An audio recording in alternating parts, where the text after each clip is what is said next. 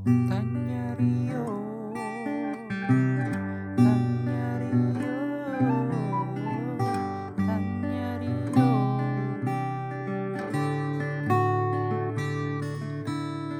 Halo selamat malam, selamat sore, selamat siang, dan selamat pagi kembali untuk kalian semua para pendengar Tanya Rio. Halo guys, Oke. Kembali lagi sama eh, program andalan kalian ya. Anjing, program andalan kalian macam ribuan ratusan miliar aja yang denger. tanya Faisal. Tanya Faisal. Siap, tanya Faisal podcast. Malam hari ini hmm, kita bakal membahas sesuatu yang cukup me- ini ya, meng, me- menyebalkan gitu. Betul, Sangat kesal gitu betul. saya gue pribadi sih ngelihatnya kayak anjing banget gitu Rio pribadi juga Ada kesal. gitu. kok ada jadi kemarin tuh eh, rame udah lama sih ini udah dari sebulan lalu isunya soal ada orang di Bekasi eh, Rizky Maulana. yang membuat rame adalah Rizky Maulana orang Bekasi. Dia orang Bogor Oh, btw salah. bukan orang Bekasi sebenarnya. Siap salah. ada anak anggota DPRD sih. Mungkin kita nggak akan ngambil ke sananya kita ngambil ke pesonanya dia sen- eh, personanya dia sendiri lah ya. Cuman gue kesel sama kelakuannya aja. Ya nggak sih tak? Lu sendiri kesel gak sih? Oh kesal. Ya terpas ini ya pokoknya kalau ada yang semena-mena kayak gitu apalagi pemerkosaan kayak gitu ya pasti kesel lah. jelas lah. Apalagi dia tuh gue lihat ya kan tadi di Kompas tuh Kompas nggak review lah re- round up isunya itu di satu tulisan. Sebenarnya gue udah gue ngikutin juga nih dari awal gimana si kasus ini dimunculkan gitu ya. Gue tuh pertama kayak anjing kok bisa gitu? Ini katanya open bo open bo si ceweknya apa gimana. Se- setelah ditelusuri lebih panjang ternyata ya si cewek ini dijelaskan kalau dia main belakang gitu di, di disebut di berita kompas yang round up ini akhirnya dijelasin kalau dia eh, main belakang si cowoknya cemburu lah Ah, bisa dikatakan begitu. Dan akhirnya nyekep si ceweknya terus udah diperkosa disekep diperjualbelikan Hmm. lagi. Anjing tuh tai banget. Dan yang bikin kesel tuh tadi si wah cing si kuasa hukumnya gitu bilang kalau pengen dinikahin. Anjing banget fuck anjing. Yang bikin kesal lagi banget gitu anjing. tanggapan admin Twitter Gerindra juga ya? Iya apa sih gitu kayak dikembalikan ke korban pelaku eh ke keluarga. iya ke keluarga penawaran kayak apa sih anjing? Kuasa hukumnya bilang kalau dinikahkan mungkin juga bisa meringankan hukuman. Kan tai udah kesel banget gue coba kita denger pendapat seperti biasa ya dari pe- penengah kita nih gue gue takut gue sangat berapi-api nih kan kita panggil aja coba Rio Faisal Rio. halo Halo Mas Rio. Nah, nah gitu dong, kasih gua waktu buat kesel juga. Nah, kayaknya banyak yang kesel ya nggak cuma kita bertiga ya Iya lah. tanggapannya Mas gimana? Spesial ini. Kalau minggu kemarin spesial endorse nih, spesial emosi ini. Oh iya.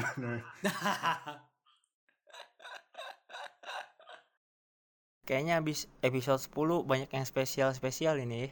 Banyak spesial. Ya itu sih, maksudnya gua eh, ngikutin juga kan dari Twitter ya, karena eh, banyak tambahan infonya dari Twitter sebenarnya dibanding media lokal gitu. Terus eh, ngelihat pelaku tuh kayak aneh banget gitu. Gua gua gua keselnya pertama karena ke polisi ya. Ke pelaku pelaku ini cepet banget gitu muncul gitu kan pelaku kasus ini cepat banget ketangkep gitu. Ini masalah merkosa doang gitu kan maksudnya satu bukan yang sistematis gitu kan yang terorganisir gitu kan. Terus lama banget anjir diungkapinnya. Bingung gua. Parah men. Aneh banget.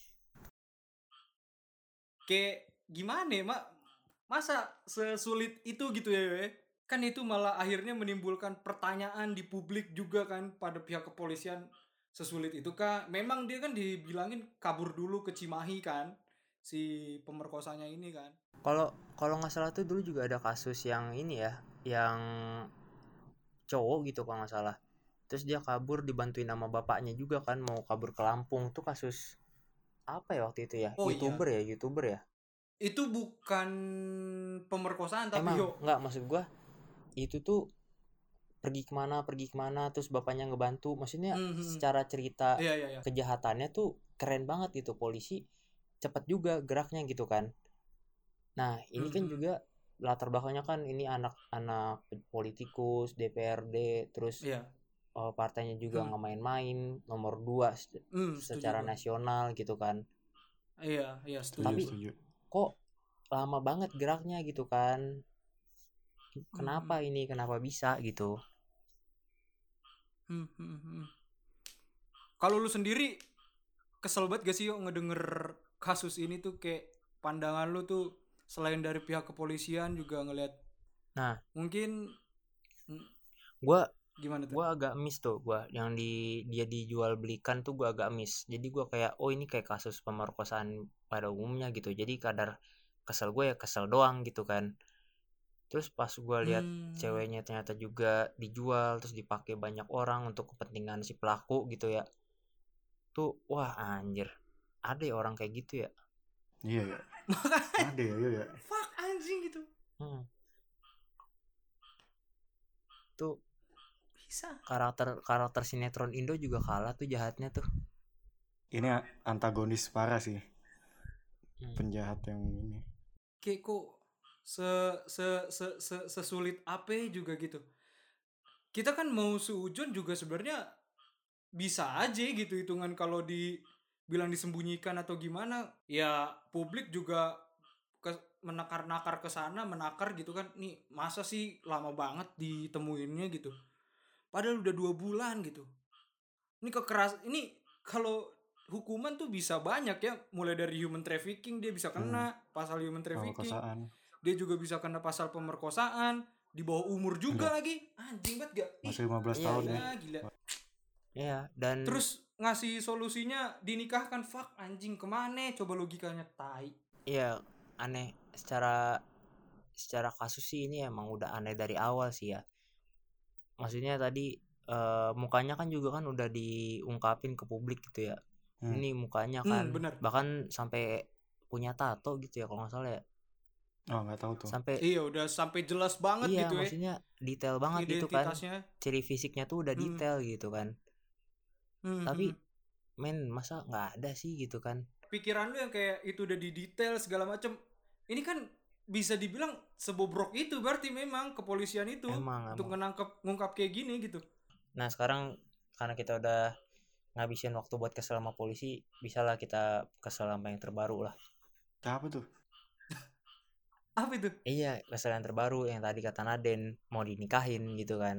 oh wah tuh iya parmen Iya. parmen gimana tuh iya pendapat lu gimana tuh yo Iya itu gua gua kalau misalnya jadi keluarga korban ya, gua bakal nolak sih kalau gua. Apalagi zaman juga udah canggih kan.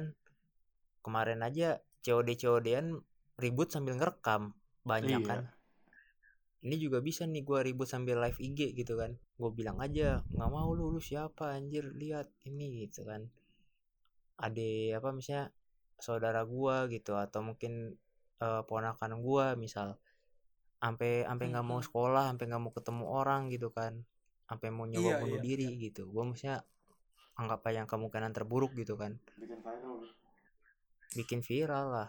Udah gampang bikin viral sekarang kalau kasus kayak gitu. Tuh kalau kagak viral tuh bahaya banget sih sebenarnya. Maksudnya udah ya banyak lah kayak tadi udah gue singgung juga kan pasal-pasal yang dilanggar dia tuh udah luar biasa banget anjir masalahnya pelaku ini juga bukan pelaku yang remaja gitu dia udah dewasa 21 hitungannya tahun kan bukan hitungannya usianya. umurnya iya 21 tahun nih ya maksudnya juga dia kan anak pejabat ya dan bisa melakukan hal seperti itu kan berarti kan pengetahuannya juga udah banyak lah secara akal juga udah udah udah berpikiran dewasa gitu kan Hmm, hmm.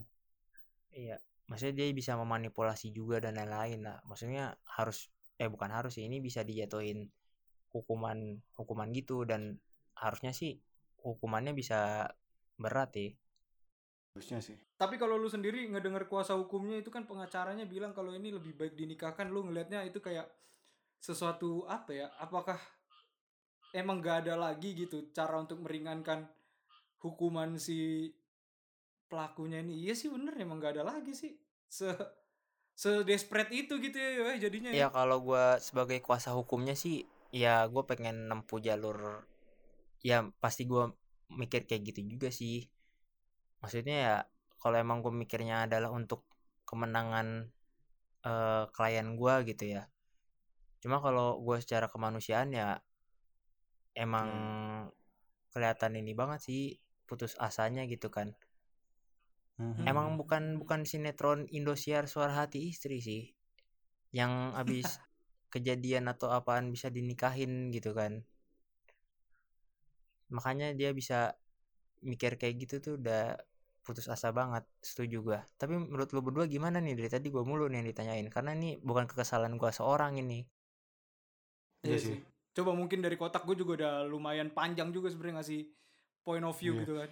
Kalau gue sih ya menggaris bawahi ya memang kalau sebagai manusia hal kayak gini memang harusnya nggak nggak patut ya kalau ngelihat background si anak ini sebagai anak ini kan ya pejabat kan ibaratnya mewakili rakyat kan Hmm. tiba-tiba melakukan hal kayak gitu Hmm. terus sikapnya setelah melakukan itu nggak gentle malah kan sempat kabur kan ya di Menghilang. menghilang Iya sempat menghi- menghilang. menghilang dari apa pe- pemanggilan polisi beberapa kali kayak gitu dari sikap aja kita harusnya udah nggak respect sih ke yang tersangka pelaku ini terus habis itu solusi yang ditawarkan juga minta dinikahi kata gue sih itu bukan solusi yang baik sih. Jauh dari kata baik malah ya. Solusi sepihak dan ya bagi bagi korban ini ya bukan solusi sebenarnya bisa disebut kayak gitu. Karena tentunya solusi yang dimaksud kan gimana si pelaku ini dapat hukuman terus eh, nggak da- nggak dan jadi pelajaran buat masyarakat buat nggak diulangi lagi kan cuma kalau gue pribadi sih bisa Iya. nyatain kalau gue sih mengutuk ya mengutuk dan gue nggak sangat tidak suka dengan kegiatan apa kejadian kayak gini. Dan gue berharap nggak nggak ada kejadian kayak gini lagi. Apalagi ada hubungannya sama tokoh masyarakat. Dan tokoh masyarakat itu nggak gentle untuk mengakui kejadian ini. Gitu aja. Dan ini sih maksudnya kesadaran masyarakat terhadap kejahatan seksual juga kan udah tinggi. Lumayan tuh. Iya. Dan ini sih kan kemarin juga ada kasus begal payudara dan itu Oh iya, salah satu contoh benar. yang yang ini ya yang eh, apa sih pesepeda ya ya pesepeda Iya pesepeda. iya dan yang pelakunya masih bisa cengengesan kan Hmm, hmm. segitu bukan anak pejabat cuy bayangkan kalau itu anak pejabat beh anjir itu wah kuasa kuasa pelaku terhadap korbannya bakal kerasa banget sih anjir iya iya bakal iya. kasihan di korban Hmm. Tapi ngomong-ngomong soal itu menurut lu menurut lu ini nggak ada pengaruhnya nggak nanti buat undang-undang yang rame tapi nggak pernah jadi RUU PKS ya. Ya, gue pikir sih harus ya. Itu seharus seharusnya ada ya. Mungkin kalau dalam apa ya? Soalnya kan yang banyak ditentang itu kalau gue nggak tahu tepatnya di pasal berapa. Cuman bunyinya tuh kalau nggak salah bu, eh, istri tuh bisa mengajukan kalau suami melakukan apa ya? me- me- meminta berhubungan seksual secara paksa apa gimana gitu. Itu kan yang banyak dikritik sebenarnya kan kemarin tuh. Karena dibilang kok kok bisa dibilang pemaksaan gitu. Padahal faktanya ya ada aja gitu kan istri bisa aja kayak aduh malas ah nggak mau berhubungan seksual malam ini gitu. Iya kan sebagai human gitu. Dia dia punya kuasa akan tubuhnya sendiri gitu kan. Gue pikir dengan ya gue gue nggak tahu sih ya ini ini harus jadi cuman gue nggak yakin kalau DPR bakal naikkan itu dengan cepet sih. Soalnya nggak nguntungin mereka juga gitu. Lu gimana Yan? Maksudnya kan kasus ini juga banyak kasus-kasus pelecehan yang lain gitu kan terhadap pokoknya kasus-kasus kekerasan seksual lah. Ini bakal berpengaruh kan nih terhadap undang-undang yang harusnya jadi undang-undang tapi lama banget nih dibahasnya? Hmm. Sebenarnya kalau kalau menurut pendapat gua ini kan penggodok penggodokan undang-undang ini udah beberapa tahun ya, udah lama ya. nggak jadi-jadi gitu kan. Se- Sebenarnya kalau ngelihat kasus-kasus kan tiap hari juga udah banyak gitu terus yang nyuarain juga kayaknya udah udah udah sering banget kan di up gitu kan, kasus pemerkosaan terus gimana harusnya urgensinya dan sebagainya. Kata gue apa ya ini tuh kayak emang harusnya semua orang udah tahu kalau ini penting harus cepat disain cuma ada hal yang kita nggak tahu nih di atas yang membuat ini jadi lama kan sebenarnya. Kayak pengambilan keputusan dan sebagainya. Gue sih gue sih ngira hal yang kalau konteksnya kasus ini apakah bisa mempercepat proses pengesahan kata gue mungkin jadi momentum pengingat orang untuk aware ke RUU-nya mungkin iya. Cuma kalau untuk mempercepat kata gue nggak terlalu ngefek signifikan sih karena bukan masalah Iya. bukan masalah apa ya gimana masyarakat men bukan masalah iya uang in- itu masalah yang kita nggak nggak bisa nyentuh kan sebenarnya karena karena kan yang Iya. mengambil keputusan kan bukan rakyat secara langsung kan si eksekutifnya ini kan Nah, eksekutifnya ini legislatif eh ya. legislatif sorry eh, eh, legislatifnya ini nggak gue gue nggak tahu siapa yang menjadi pemberat nggak di ini iniin gitu. Jadi menurut lu kurang kurang jadi trigger gitu ya tak sebenarnya? Karena bakal sama aja. Gue juga ngiranya bakal iya bakal bak- bakal sama, aja, sih. Parah emang. Udah parah kalau sampai momen momen ini nggak dipakai untuk se- me- mensegerakan gitu. Pengesahan tuh udah parah banget sih sebenarnya DPR Iya momentumnya ada sering sering kali ya masalah pemerkosaan gitu kan. Dulu, dulu yang apa tuh kalau nggak salah investigasinya Tirto yang di kampus-kampus juga kan, maksudnya itu kan momentum ya. Itu malah lebih masif harusnya ya. Maksudnya itu kasus di kampus tapi nggak ditindaklanjuti juga. Seksi loh padahal gue gue kalau kita kan juga belajar jurnalistik gitu kan kita ngeliat isu ya itu udah itu udah isu yang paling itu isu yang lebih seksi gitu Mm-mm. tapi DPR juga nggak Iya. ya gimana yang kayak gini gitu isu wilayah sebenarnya kan yang ini ngelakuin hitungannya. juga anak anggota DPR. Apakah akan bergerak gitu kan? Iya, kalau lu sendiri gimana yo? Tadi kan lu udah nanya nih, lu lu ngeliat nih bisa jadi trigger besar gak bagi DPR? Apa yang sebenarnya harus dilakukan gitu setelah melihat banyaknya kejadian ini sebenarnya? gue justru ngelihat khawatir sih sebenarnya gue sih jatuhnya. Karena korban-korban gue juga takut sih kalau ada yang gue kenal banget jadi korban gitu ya. Nggak nggak ini maksudnya nggak malah nggak malah nggak ke ke akomodir si RU ini malah nggak jadi-jadi gitu yang gue khawatirkan di situ sih karena emang rame sih maksudnya dari skala medsos emang perbincangannya emang rame gitu cuma skala berita nasionalnya masih belum mantap nih gitu kan Ah, karena setuju, setuju. tadi gue juga Setuju. gue juga mau nanya sih pejabat-pejabat udah ada yang ngomong belum sih belum ada ya Soal Bekasi ini ya? iya entah itu Bekasi atau mungkin pusat gitu Hmm, belum ada kan? opinion, Iya ya, opinion leader gitu ya, semacam itu ya. iya belum ada ya. iya kayak Kang Emil gitu kan Iya, bantar-bantar Emil gitu ya setidak-tidaknya ya. Hmm, Yang jadi gubernur Jabarnya. Gue juga Iya, ngerasa Emil. soal ini ya, ini tambahan nih, soal pemberitaan kasus ini kan, kasus anggota DPR ini, kayaknya masih nggak semasif itu ya. Gue gue searching DPRD di Google, DPRD di Google search soal kasus ini aja yang muncul Kompas, Kompas, Kompas.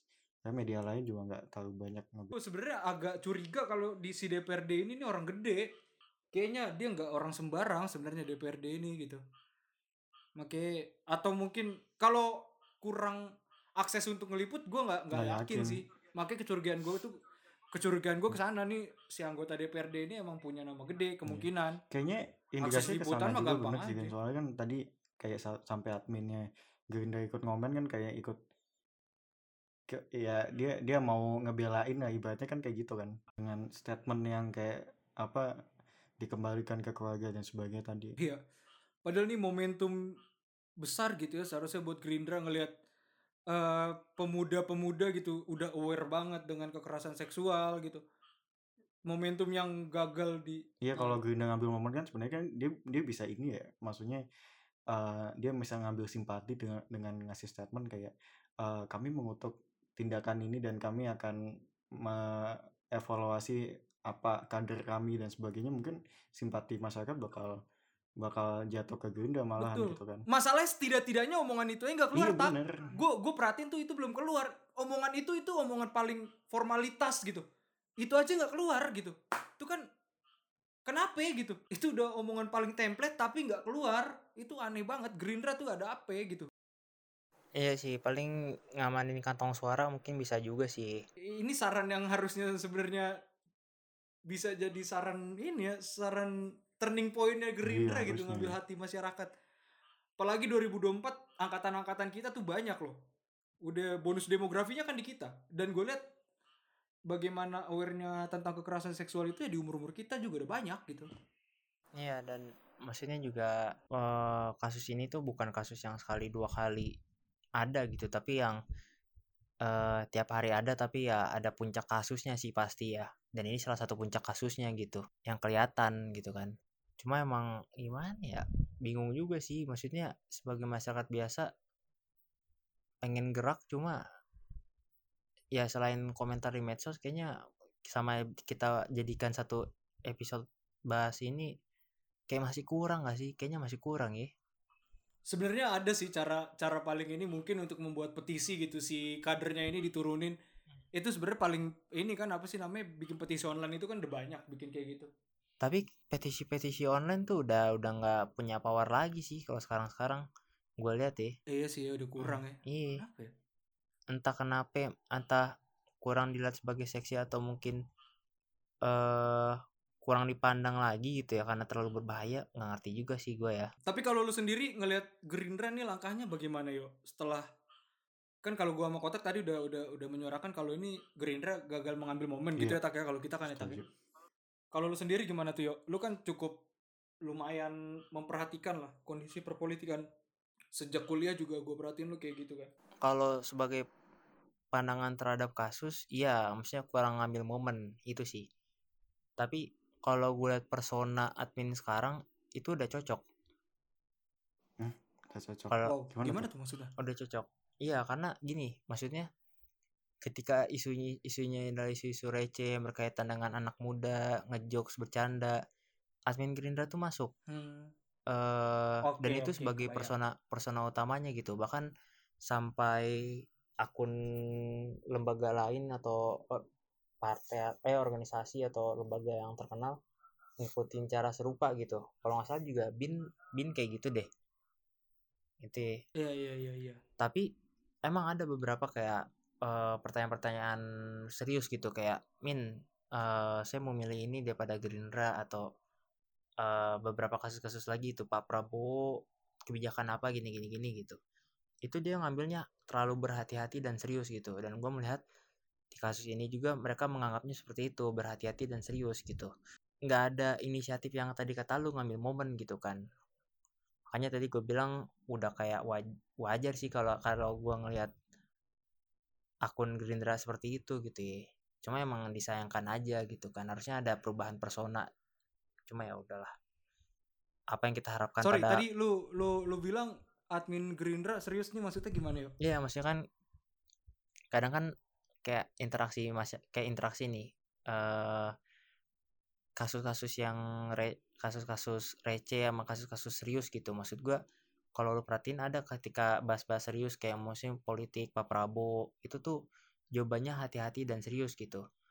Beberapa hal tapi kayak, oke, oke. eh, admin Gerindra lucu ya gini gini gini dibahasnya tuh dengan pan apa pantun puisi gitu gitulah Hmm, hmm, jadi, hmm, hmm. ibaratnya emang personanya gitu dia nyari-nyari anak-anak muda yang ya beneran masih bisa ditargetin lah gitu. Buat jadi suara gitu kan. Hmm, makanya kata gua Oke. ada isu-isu biasa sama isu serius. Kalau persona yang kasus ini isu- personanya serius. Tapi hati-hati gitu ya. iya hati-hati gitu. Tapi ya tadi sih dia nggak nggak nggak ada strategi strategi medsosnya yang kayak gitu sih. Nggak ada yang kayak lu kalau ada perubahan kasus yang besar lu ambil momen gitu nggak ada gitu entah ya. belum ada Harusnya atau kayak gitu emang briefing. di langsung iya pimpinan sih gitu. ah, entah entah emang belum ada atau emang pada kenyataannya emang belum bisa gerak cepat juga gitu ini dalam konteks gua sebagai pemerhati timeline ya wah mantep banget tuh Asik pemerhati Lu udah- timeline mantep itu betul. udah jadi jabatan lu ya kalau ditaruh di DP gitu kan ada tuh keterangan sebagai apa ini kalau di timeline ya Iya anjing. eh Anjing. Iya iya. Yep. Keren pemerhati timeline kita anjir. Iya itulah. Udah kali kita bahas ya. Maksudnya iya, tapi ini mungkin terakhir kan yo ya seperti biasa nih eh pak eh panutan apa sih petua pantun mau mantun Rio iyo nih petua lu mungkin susah nih. sih maksudnya mungkin ke Gerindra mungkin ke polisi ya terserah lu lah ini kan petua memang momen lu nih Iya, di episode ini kayaknya ketika kondisi kita lagi kesal susah ya bikin petuah ya kayaknya ya. cik bikin pantun aja Tapi ya ah bacot emang pantun. iya enggak enggak. Maksud gua eh kasus kayak gini tuh udah kasus sistemik ya kejahatannya. Maksudnya sistemiknya bukan ketika Hmm. kejahatan yang terorganisir gitu kayak pencurian, perampokan kayak gitu-gitu atau narkoba bukan, tapi ya ada sistem yang melindungi banyak hal gitu untuk kayak polisinya terlihat geraknya lambat gitu kan. Terus juga Iya, iya. eh, pemangku kebijakan juga nggak ada reaksi yang keras gitu kan bahkan pelaku pun tidak meminta maaf gitu dipermalukan di depan publik juga kayaknya enggak deh. Nggak ada yang kayak gitu-gitu. Hmm, hmm, jadi ini udah kayak kasus yang sistemik gitu ya kejahatan yang sistemik menurut kalau menurut gua. Hmm. jadi ya kalau emang lagi capek atau gimana baca aja kasus ini. Lu bisalah melupakan sebuah semua kekesalan yang ada dalam diri lu gitu. Dan ya dan ini juga sih ya berharap boleh lah. Tapi ya semoga semoga lah mungkin ya adalah yang bisa terwujud. Entah emang kapan. Amin amin. Nggak tahu juga nggak tahu juga sih tapi cuma ya udahlah harapan emang harus ada. Yang yang paling deket mungkin si pelaku ini ter apa ya, dihukum dengan seberat-beratnya yang dia dapat gitu ya. Karena dari pasal eh gue nggak tahu sih berapa berapa cuman secara ini kan kita bisa lihat eh, perdagangan orang terus di bawah umur pemerkosaan itu udah cukup banyak. Harusnya udah mendapat hukuman yang berat lah harusnya gitu ya harusnya ya bantar-bantar 5-10 tahun tuh udah paling minimal kalau dari gue ya harusnya ya cuma ini jangan lupa juga ini bansos korupsi bansos pandemi yang masih berjalan ini juga masih antem-anteng aja sih Iya ya, anjing. Ya udahlah. Gimana yang beginian ya? iya Jangan maka gue remeh-temeh nih anjing. Ma- Parah, parah. makanya ini bingung juga ya udahlah daripada bingung-bingung udahlah dari gua lah mantap mantap mantap diudahin dulu ya. Mantep. Itu harapan kami untuk eh, negara ini ya kan. Mantap. Ya udah, oke guys. Eh, sekian untuk episode kali ini. Semoga eh, apa ya? Pelaku seperti yang diharapkan juga oleh Rio dan kami gitu ya. Untuk mendapatkan hukuman yang setimpal dan seberat-beratnya. Eh, korban juga mendapatkan pendampingan yang bagus gitu harusnya ya dapat pendampingan dari negara khususnya bagaimana psikologisnya juga pasti udah kena ya kan? Dan mendapat ya perbaikan hidup. Karena memang menjadi korban pelecehan seksu- seksual itu pasti sangat berat sih. Dari beberapa yang gue baca juga kayak gitu kan testimoni testimoninya semoga negara lebih aware dengan ini. Ya udah sampai jumpa kembali di episode tanya Rio selanjutnya Dah. teman-teman. Bye bye sehat selalu